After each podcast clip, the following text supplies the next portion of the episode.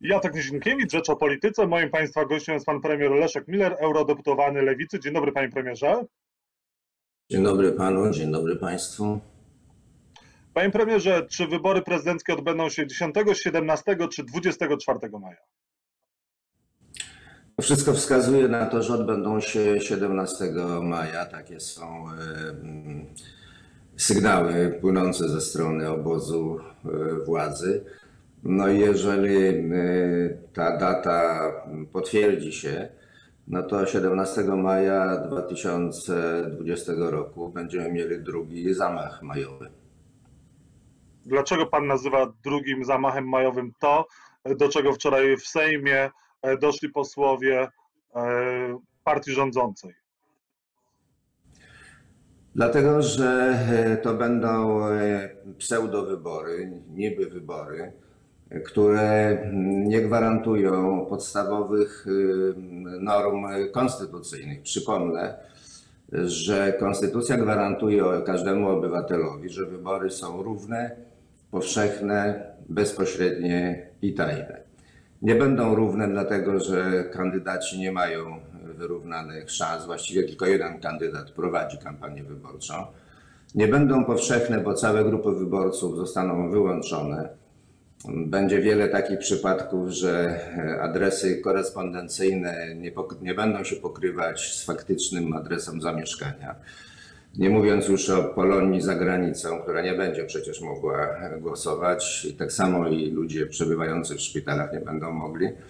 Nie będą bezpośrednie, bo się będą odbywały za pośrednictwem listonoszy, a Państwowa Komisja Wyborcza została zastąpiona przez dyrektora Poczty Polskiej, który jeszcze niedawno był wiceministrem obrony. No i nie będą tajne, dlatego że między wyborcą a urną pojawia się właśnie pośrednik, Mam na myśli listonosza czy, czy, czy, czy Pocztę Polską. A ja przypomnę, że kiedy wchodziliśmy do tej pory do lokalu wyborczego, to widzieliśmy komisję, która bardzo uważnie się przyglądała, dbała o to, żeby każdy osobiście wrzucił głos do urny i żeby głosowanie było tajne. Zatem wszystkie praktycznie rzecz biorąc ustalenia konstytucji są złamane i dlatego nazywam to zamachem. A czy te wybory w takim razie, wynik wyborów prezydenckich, on będzie do podważenia w przyszłości?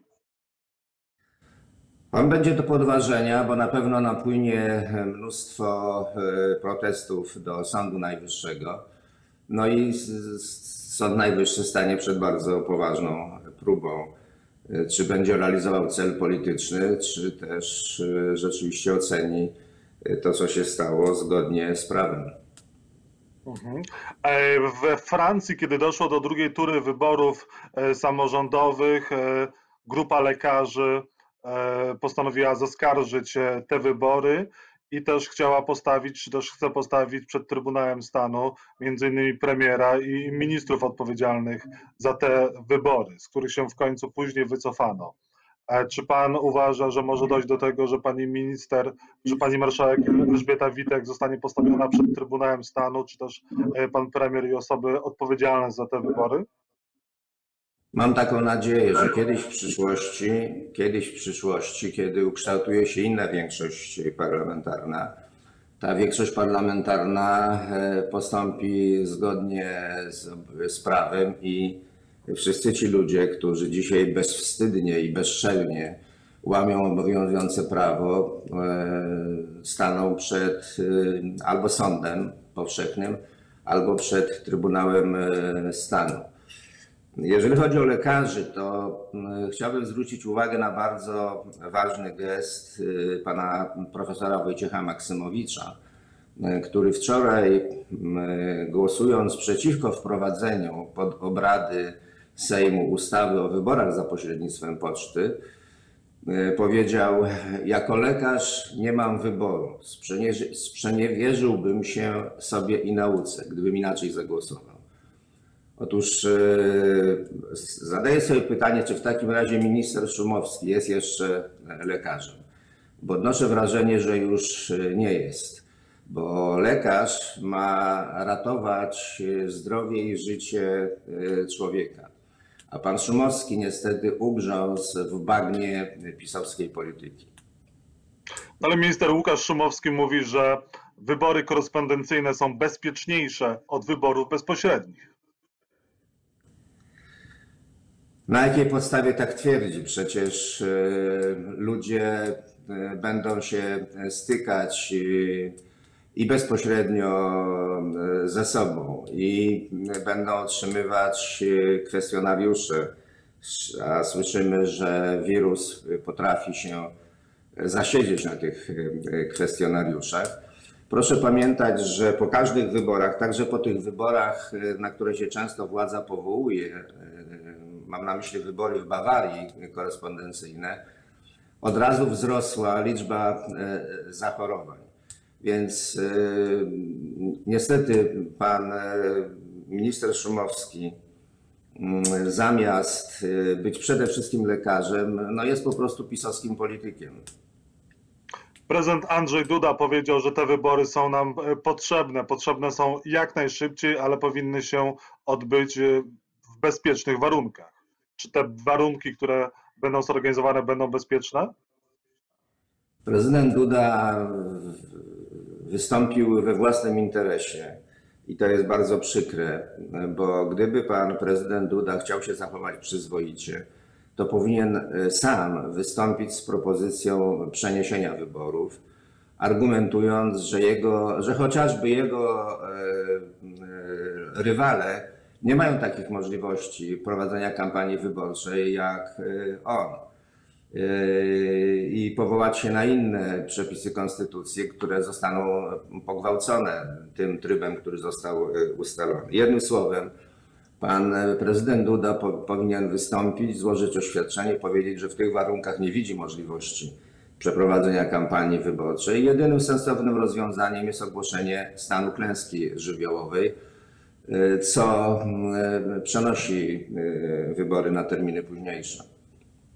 No ale posłowie Prawa i Sprawiedliwości, między innymi pani wiceminister, pani minister Jadwiga Emilewicz twierdzą, że wprowadzanie stanu wyjątkowego klęski żywiołowej mogłoby doprowadzić do tego, że portale e, e, radia byłyby e, zamykane, no i byłoby wojsko na ulicy. Wojsko już jest. Przecież y, wystarczy przejechać się samochodem, wystarczy wyjść na ulicę i można zobaczyć wojsko na ulicach razem y, z policją. Jest wprowadzonych szereg innych y, obostrzeń, bardzo surowych. Można powiedzieć, że mamy już stan nadzwyczajny, tylko ten stan nadzwyczajny się inaczej nazywa. Poza tym, ustawa o E, klęsce, o klęskach żywiołowych czy o klęsce żywiołowej, oczywiście ona wprowadza pewne restrykcje, ale zdecydowana większość tych restrykcji i tak już jest wprowadzona za pomocą innej ustawy. To dlaczego rząd nie chce wprowadzenia stanu klęski żywiołowej? Dlatego, że za wszelką cenę chce, aby wybory odbyły się w maju. Jeżeli patrzymy na e, sposób postępowania pana e, premiera Kaczyńskiego, to yy, mówię o tym ze smutkiem, ale trzeba to powiedzieć, że Kaczyński ma tylko jeden cel. I nie jest tym celem ochrona zdrowia i życia Polaków w wojnie z koronawirusem, tylko tym celem jest zwycięstwo Andrzeja Duda w wyborach prezydenckich w maju, czy 10 czy 17, to nie ma specjalnego znaczenia, że nie ma specjalnej różnicy. Dlatego, że reelekcja Dudy daje jemu i całemu obozowi PiSu mm, bezpieczeństwo przed rozliczeniami i gwarantuje e, realizację władzy przez następne lata. To jest jedyny cel i ten cel jest konsekwentnie realizowany. Mhm. E, panie premierze, a pan pójdzie do wyborów 17 maja, 10 czy 24 bez względu na to, kiedy one by się odbyły? Weźmie Pan udział w tych wyborach korespondencyjnych? Nie, ja nie wezmę, ja nie będę uczestniczył w farsie, bo dla mnie to nie są wybory, to, to jest farsa wyborcza. Mm, no ale jeżeli bardzo znaczna część Polaków e, uzna podobnie jak pan, że to jest farsa wyborcza i nie weźmie udziału w tych wyborach i powiedzmy do wyborów pójdzie, czy też weźmie udział w 20% w tych wyborach korespondencyjnych, to wie pan, że one będą wciąż ważne, bez względu na to, e, jaka liczba Polaków weźmie udział w tych wyborach. Oczywiście, że tak. Dla Kaczyń, ale dla, Kaczyńs- dla Kaczyńskiego nie ma to znaczenia. Może być 5%, może być 3% frekwencji, ale wybory będą e, ważne. Dla prezesa Kaczyńskiego liczy się tylko to, że Andrzej Duda zostanie prezydentem, a że potem jego e, mandat będzie podważany, e, będzie w- rozmaity e, e, sposób pomniejszany, to dla Kaczyńskiego nie ma znaczenia. Liczy się to, że Duda będzie w Pałacu Prezydenckim, będzie trzymał długopis, którym będzie podpisywał rozmaite kolejne ustawy. A co się liczy dla e, Jarosława Gowina, który wczoraj podał się do dymisji, ponieważ uważa, że te wybory nie mogą się odbyć 10 maja? Co się liczy? Myślę, że em, pan premier Gowin rzeczywiście chciał e, przesunąć te wybory może o rok, może o dwa lata, ale założył, że znajdzie poparcie e, ze strony opozycji przy zmianie konstytucji.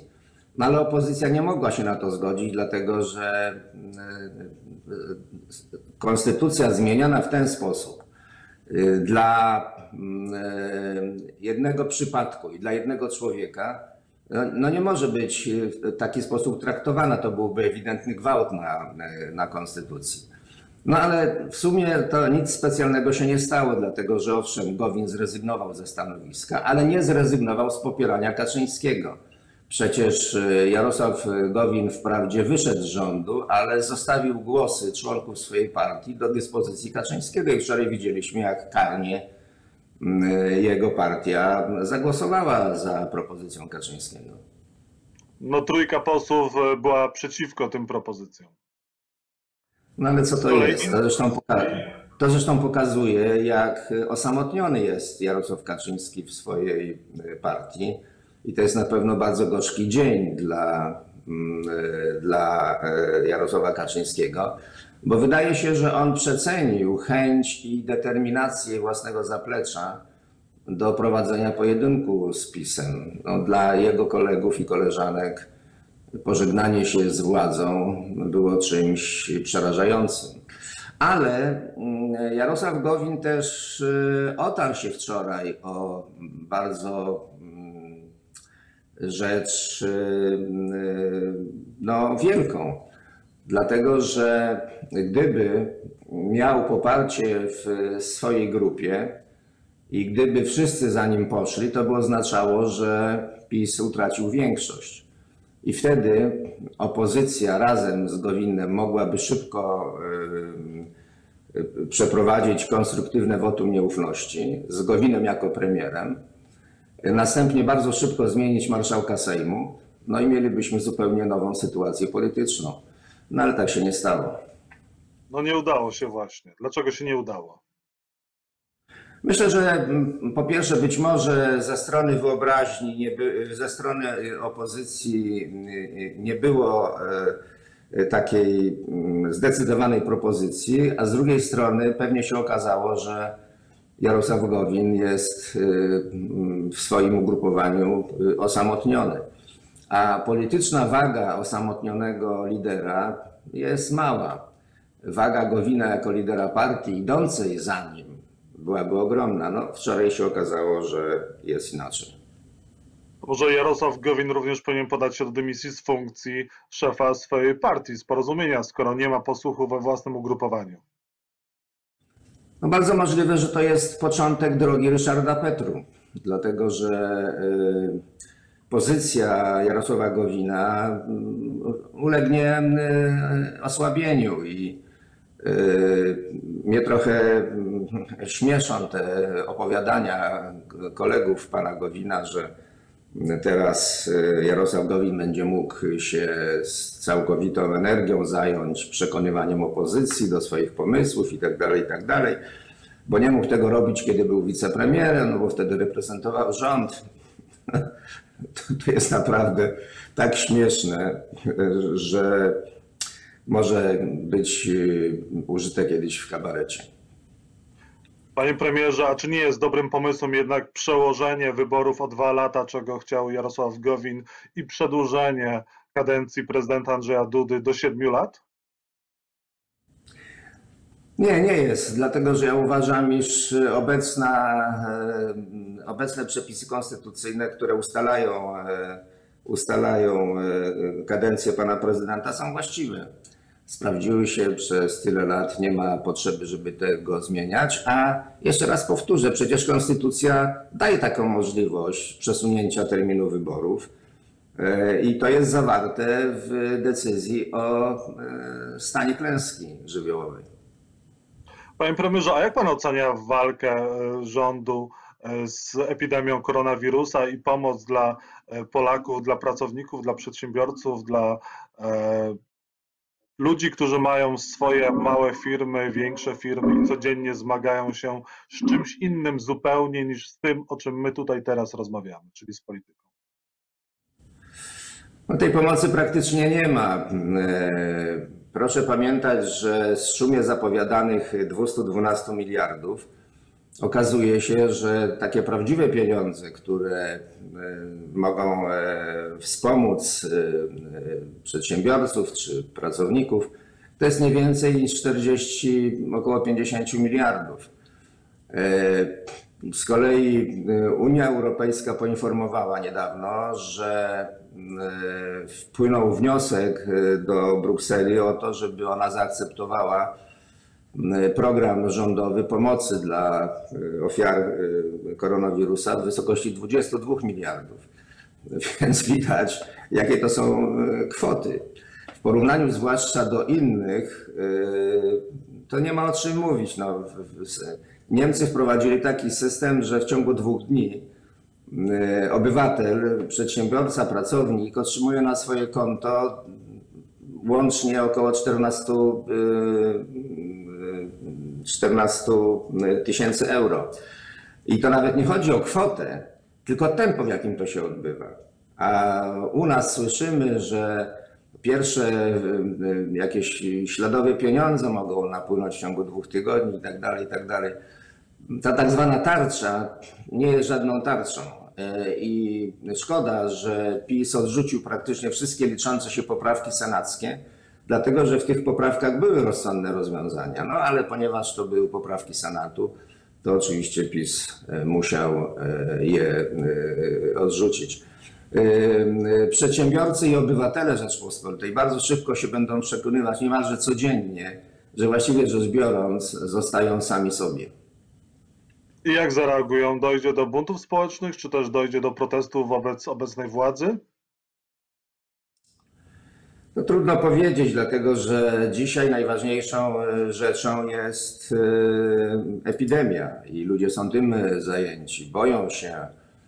Widzimy przecież, jakich cudów dokonują lekarze, którzy też praktycznie rzecz biorąc raczej przypominają ruch partyzancki, a nie regularną armię, która ma pomoc, która jest umiejętnie dowodzona i tak dalej, i tak. I w tych warunkach cały tak zwany biały personel zasługuje na nasz najwyższy szacunek, bo ci ludzie przecież narażają też swoje e, życie i swoje zdrowie. I widać wyraźnie, ile czasu zostało zmarnowane od pierwszych doniesień o wirusie, ile zostało zmarnowane przez polskie władze, jaki był niefrasobliwy stosunek do pierwszych e, alarmujących e, doniesień. Więc e, musi być wyraźny spadek zachorowań i śmierci. I dopiero to, myślę, spowoduje, że ludzie zaczną przemyśliwać, co dalej i dlaczego tej pomocy nie ma tak y, dużo, jak miało być.